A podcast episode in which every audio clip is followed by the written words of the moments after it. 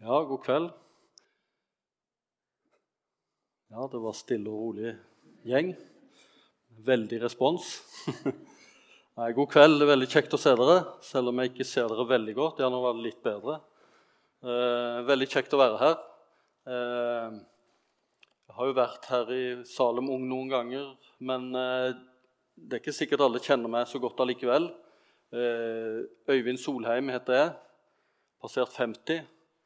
Eh, en heldig mann som har mange rundt meg som jeg er glad i, og som er glad i meg. Jeg er gift med ei fantastisk kone, og vi har fire fantastiske døtre. Og eh, tre av de har funnet seg kjærester. Hun eldste er gift og har fått et lite barn, så jeg er blitt morfar. Så det er veldig stas. Tilvenningsfasen med å være gift med ei bestemor. Det er ikke bare enkelt. Eh, og så har jeg også vært så heldig å få tatt ei fosterjente i noen år hjemme hos oss. Og vi har en liten besøk, eller en gutt på besøkshjem hos oss. Eh, og så har jeg gode kamerater. Vi har gode venner.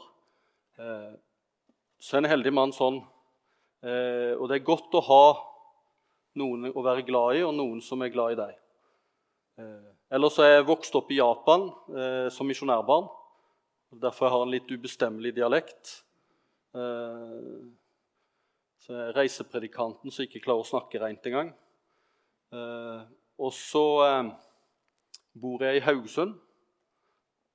Gift meg fra Haugesund. Så reiser jeg som forkynner, formidler gode nyheter om Jesus her i områdene i Misjonssambandet. Og det er veldig spennende, av og til veldig krevende men stort sett et privilegium. Eh, og så leste jeg et lite sitat om en som sa noe om det å formidle noe om kristen tro. Og dere som går her i Salem Ung, det, en del av dere er bevisste kristne og ønsker òg å formidle hva levende kristen tro er. For denne, en erfaren eh, eh, biskop sa en gang til en som var ung predikant. Eh, han sa, 'Kan du fortelle folk hva levende kristen tro er,' 'og fortelle det slik at de forstår det, har du en stor oppgave.' Altså fortelle hva levende kristen tro er, og fortelle det slik at de forstår det. Da har du en stor oppgave. Eh, og det tror jeg vi trenger gjennom forkynnelse, formidling sånn som dette, men ikke minst når mennesker møter levende kristne, deg og meg. For min egen del, opp igjennom, så har livet som kristen gått fra at jeg var, hadde vokst opp i et kristent hjem, misjonærbarn, barnetro, men gjennom en fase i ungdommen hvor jeg orienterte meg bort til at jeg fant tilbake.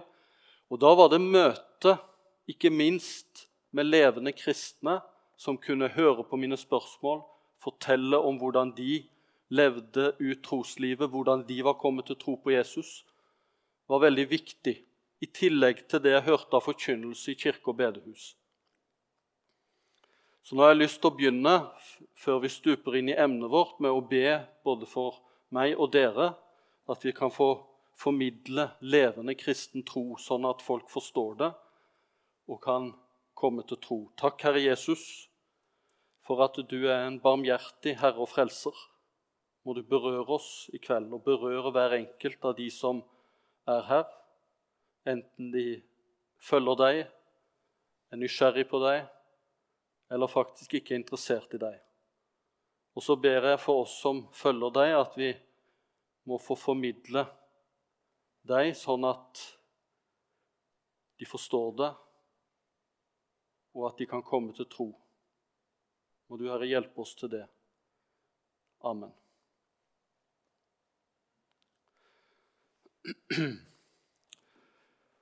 Om blikk kunne drepe, så hadde ikke jeg stått her i kveld.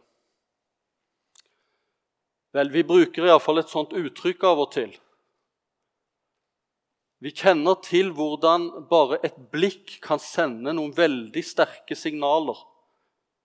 Kroppsspråk det sier mye mer enn vi ofte tenker på.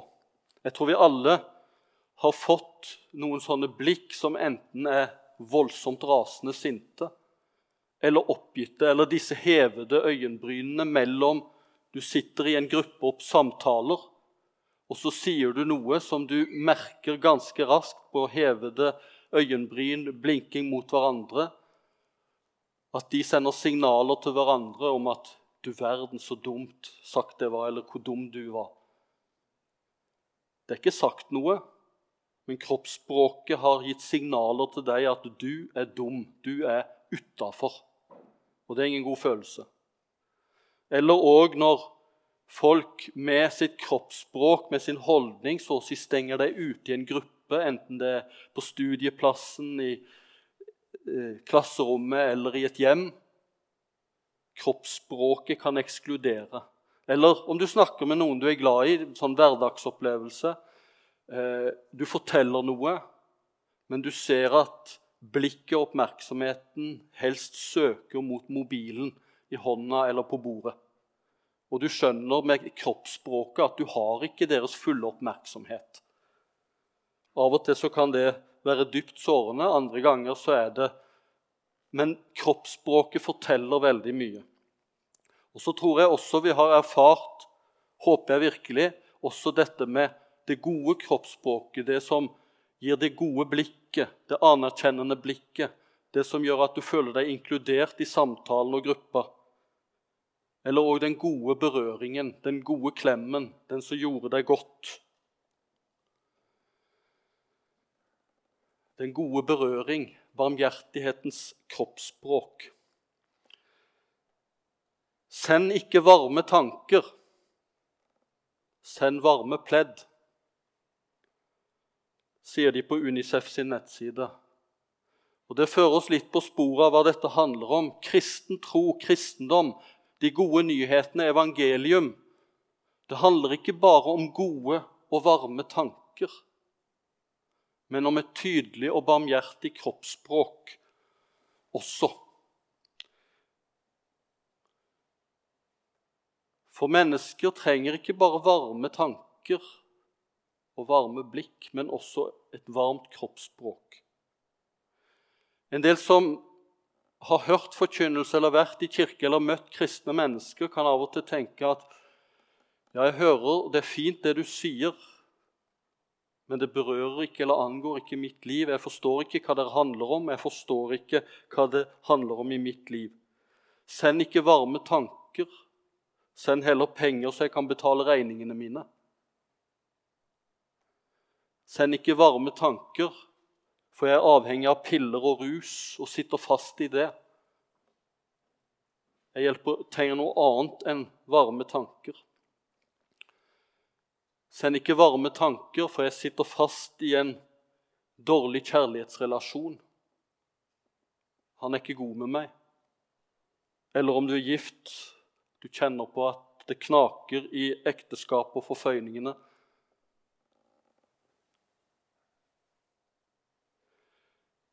Send ikke varme tanker. Jeg har nok med å overleve livsrotet mitt. Send ikke varme tanker. Jeg kan ikke bli glad i meg selv. Ingen liker meg, jeg er ikke pen nok, god nok, osv. Send ikke varme tanker, send varme pledd. Jesus han sender ikke bare varme tanker. Han sier ikke bare 'jeg elsker deg'.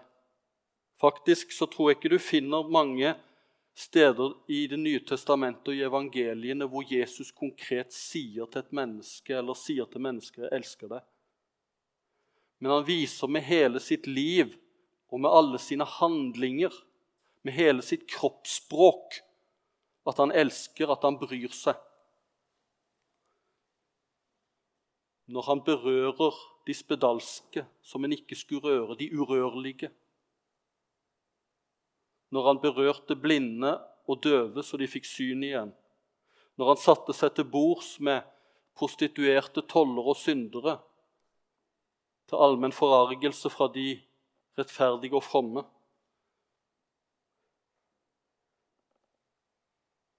Så viste han med hele sitt kroppsspråk, med hele sin væremåte, at jeg vil ha med deg å gjøre. Jeg bryr meg om deg. Kjærlighet i denne forstand den handler ikke om å brette ut varme følelser for hverandre, men å brette opp ermene og gjøre det som trengs. Send ikke varme tanker, send varme pledd. Og Jesus han sier i en stor endetidstale at 'jeg var sulten, og dere ga meg mat'. 'Jeg var tørst, og dere ga meg drikke'. 'Jeg var fremmed, og dere tok imot meg'. 'Jeg var naken, og dere kledde meg'. Jeg var syk, og dere så til meg. Jeg var i fengsel, og dere kom til meg. Dette er barmhjertighetens kroppsspråk. Det er kristen kroppsspråk, som når den ser nød, ser en naken, så vil den kle han. Ser en sulten, så vil den dele maten. Ser en tørst, så vil en dele kaldt vann. Ser en fremmed, så vil en åpne sitt hjem for den.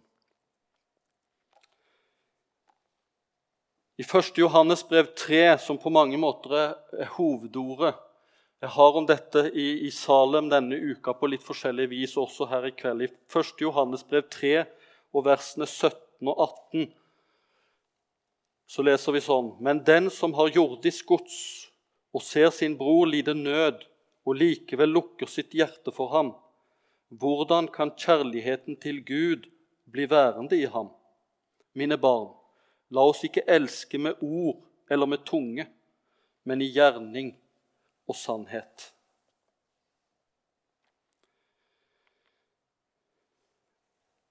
Slik var Jesus. Han elsket ikke bare med ord, men i gjerning og sannhet.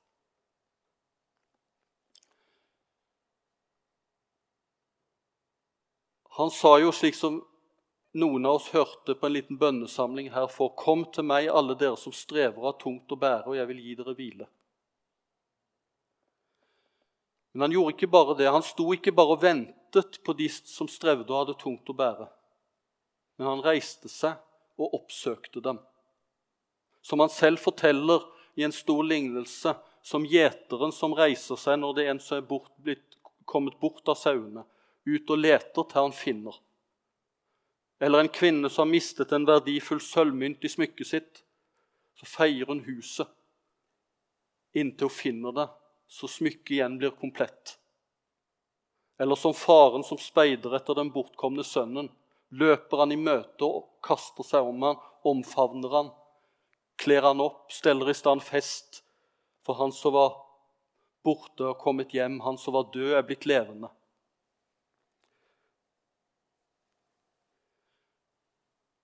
Og Slik vil også Jesus at vi i noen grad også skal ligne han som kristne i møte med hverandre, i møte med de andre, i møte med medstudenter eller kolleger eller naboer eller folk vi møter på gata, som enten er nakne eller i økonomiske problemer eller kjemper psykisk med angst eller sosial angst eller med en dårlig samlivsrelasjon eller hva det måtte være. Og send ikke bare varme tanker, men stå i det. Bry deg og, og hjelp, søk å hjelpe, rent praktisk og konkret. En av Jesu mest berømte fortellinger eh, står i Lukas 10 og handler om den barmhjertige samaritan. Der forteller Jesus om en som var falt blant røvere på veien mellom Jeriko og Jerusalem. Slått, helseløs, ranet og lagt igjen for å dø. Og Så forteller fortellingen at det gikk både en prest og en levitt som kom og så, men som gikk forbi. Som ikke brydde seg, og som ikke kom til unnsetning og hjelp. Jeg hadde ikke tenkt å bruke tid på de i kveld, egentlig, men gå rett på fordi jeg syns det er litt talende hvordan når denne berømmelige, barmhjertige samaritanen kommer på scenen fra vers 33 i Lukas 10. Men en samaritan som var på reise, kom også dit mannen lå. Og da han så ham, fikk han inderlig medynk med ham. Han gikk bort til ham og forbandt sårene hans og helte olje og vin i dem. Og han løftet han opp på sitt eget dyr og førte ham til et herberge og pleiet ham. Neste dag tok han fram to denarer, ga dem til verten og sa:" Plei ham, og hva mer du måtte legge ut, det skal jeg betale igjen når jeg kommer tilbake. Det er tre ting som jeg syns er talende om denne barmhjertige samaritan, og som Jesus oppfyller sterkest av alle, men som han òg ønsker at vi skal være preget av. For han så, han hadde blikk for nøden, han så den som var i nød. Men til forskjell fra alle de andre som òg så han, men gikk forbi, så brydde han seg. Han fikk inderlig medynk med han, eller inderlig medfølelse. Det sterke uttrykk som brukes. Og det brukes om Jesus andre ganger når han ser en folkemengde. Og han ser de som herjet og forkomne som sauer uten hyrde, står det. Jesus har et blikk som ser bak, som en har sagt, bak festklærne og fillene. Han ser det ensomme hjertet. Den barmhjertige samaritan så den som var i nød, herjet. Jesus ser oss også når vi ikke opplever oss som en som er falt blant røvere, selv om vi på en måte egentlig er det kanskje eksistensielt sett alle mennesker. Men Jesus ser oss, og han ser bak våre fasader, enten vi er vellykkede eller mislykkede. Enten vi er vellykkede i egne øyne eller i andres øyne, eller mislykkede i egne eller andres øyne, så ser han oss. Og det å bli utsatt for Jesu barmhjertige blikk Det kan oppleves ubehagelig i starten, men er så vidunderlig når du òg merker dette bankende hjertet, den som ser med hjertet, altså som får inderlig medfølelse med deg. Jeg fikk en bok til, til jul av en, med lesesalmer av en som heter Svein Ellingsen. Han døde for ikke lenge siden. Og han har skrevet et dikt eller en lesesalme som heter 'Mennesker venter på øyne som ser'. Mennesker venter på øyne som ser, øyne som oppdager nøden som finnes midt i vårt samfunn, midt i vår velferd. Mennesker venter og roper på nærvær, roper i taushet bak ensomhetens murer. Hvem er på post i en nådeløs verden? Hvem følger kallet som lyser imot oss? Nærvær og tjeneste, nærvær og omsorg, øyne som ser. Det går an å gå i hverdagen, arbeid, studier, familieliv, faktisk uten å se. Det er Noen av oss som er mer oppmerksomme enn andre, og noen av oss som ikke ser. Jeg har ei datter som har en fantastisk oppmerksomhet for detaljer. Hun kan fortelle fra barndommen om ting som jeg sa eller gjorde, klær jeg hadde på eller sko jeg hadde på for 15-20 år siden. Men verden, mennesker rundt oss, lengter etter og venter på mennesker som ser, som spør etter åssen en har det. Og så fortsetter han. Mennesker venter på hjerter som ser. Hjerter som gripes av nøden som finnes. Skjult bak forkledninger, roller og masker. Mennesker venter og håper på nærvær, håper å møte et bankende hjerte. Hvem bringer varme i frostnattens verden? Hvem gir et glimt av Guds kjærlighets ansikt? Nærvær og tjeneste, nærvær og omsorg, hjerter som ser. Øyne som ser, hjerter som ser, som banker av barmhjertighet og kjærlighet, som bryr seg, som gripes av inderlig medfølelse, som stopper opp som denne barmhjertige samaritan involverer seg i dennes liv. Men da risikerer du noe òg. En av grunnene til at både levitten og presten gikk forbi, var nok at de risikerte for mye. De kunne risikere at denne som lå der halvdød, kanskje var han død til og med.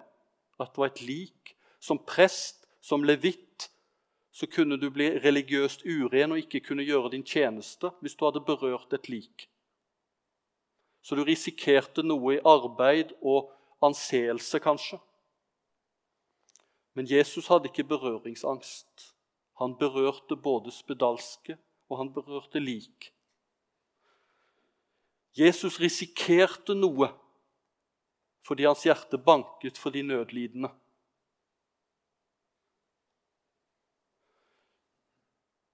De kunne risikere selv å falle blant røvere, også den barmhjertige samaritan. Det fortelles jo historier om trailersjåfører som kjører over fjellpass til Italia. At det iallfall en periode, jeg vet ikke om det er sånn lenger nå, men det var en periode at det ble arrangert ulykker av landeveisrøvere. Og Så stoppet traileren og ville hjelpe, og så ble de ranet. Og Etter det fikk de beskjed om aldri stopp og hjelp noen langs veiene som trailersjåfører. Og Sånn råd kan vi òg gi i dag. Det å, vise, det å involvere seg, det å vise barmhjertig kroppsspråk, det kan koste noe. Mennesker som kjemper med seg selv, mennesker som har det vanskelig, noen av de er av og til de mest selvopptatte mennesker òg. Og kan av og til rett og slett være ufine med mennesker rundt seg. Til og med de som viser godhet og barmhjertighet og hjelp. For de har nok med seg selv og sine kamper, sine livskamper, sin rusavhengighet, sine andre addictions eller sine relasjonelle problemer.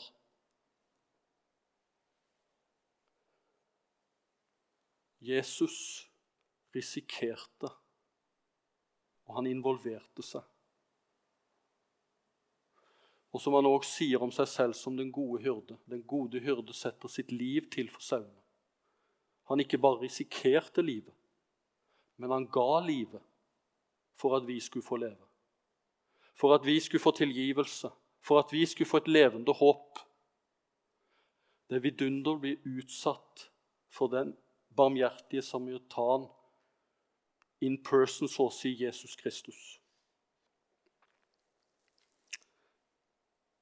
Og så står det at han helte, altså at han løftet opp denne, helte vin og olje i sårene, stelte sårene, tok han på pakkdyret sitt og bar han til et sted så han kunne berges og få hjelp.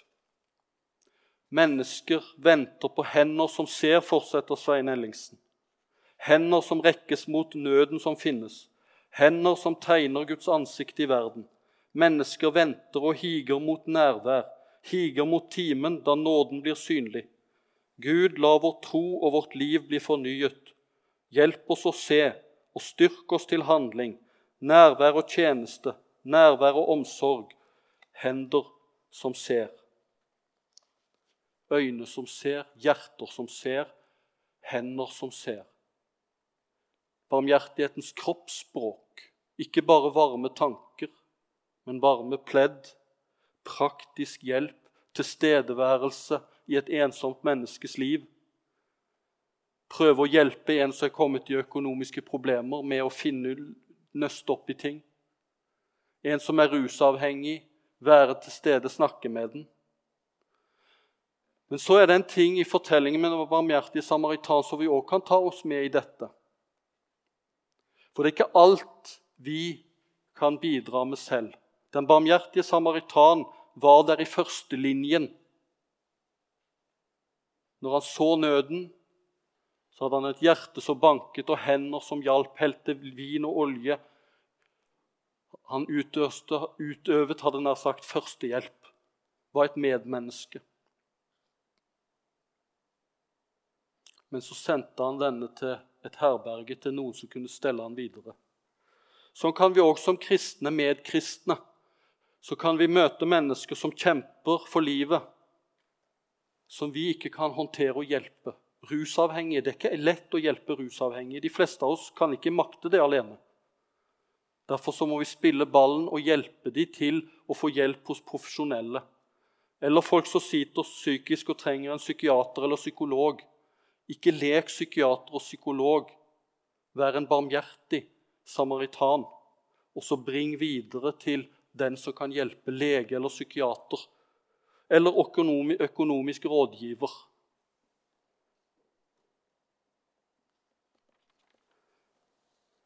Men ha øyne som ser, hjerter som ser, hender som ser. Om vi ser medmennesker i nød, så kan vi ikke lukke hjertet.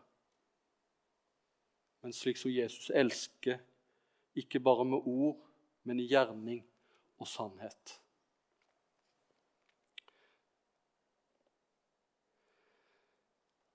Og for min del så er det blitt mer og mer vidunderlig å lese og høre fortellingene om Jesus, som viser at han i tillegg til varme tanker og varme ord, gode fortellinger og gode ord, levende ord, som kan forandre, som kan sette fri, som kan gi visshet om tilgivelse så ikke bare understreker han sine varme tanker og sine gode ord, men han gikk inn i de og levde de. Han berørte de uberørlige. Han hadde ingen berøringsangst med livsrot eller med urenhet, synder, seksuell umoral, økonomisk griskhet og rot. Han hadde ikke berøringsangst med noe men gikk inn i det, berørte det, løftet opp, reiste opp. Og så gikk han inn i det som måtte til når han ga livet sitt for våre synder, i døden på korset. For å sette oss fri, for å gi oss et levende håp, for å gi oss trygghet for tilgivelse og et framtidshåp på den nye himmel og den nye jord der rettferdighet bor. Og på kroppen hans så har han Det er også en del av kroppsspråket hans. Så har han merker etter denne kjærlighetshandling, at han ga livet sitt. Sårmerkene. Og så står det i framtidsvisjonen om den nye himmel og den nye jord at Gud skal tørke hver tåre på kinnet. Det skal ikke være skrik, ikke være gråt, ikke være noe vondt mer. Og da ser jeg for meg Jesu, den oppstandende Herre Jesus, som har en kropp, oppstandelseskroppen, som bærer naglemerkene ennå, som viser hvor, hva han risikerte, og hvor dypt han elsket. Og så skal han helt konkret med sine hender tørke livets smertefulle tårer. Jesus har et vidunderlig kroppsspråk som vi bør tegne for hverandre igjen og igjen. Vi har en barmhjertig Herre og Frelser som unner oss den gode berøring fra Han og Hans barmhjertige kroppsspråk. Skal vi takke og be til slutt? Takk, Herre Jesus Kristus. Du står her foran meg. Du er også bak meg. Du er på min høyre side. Du er på min venstre side. Du er over meg, du er under meg. Du omgir meg på alle sider. Du bor i mitt hjerte. Du gjennomtrenger meg helt, og du elsker meg, Herre Jesus. Takk og lov for det. Amen.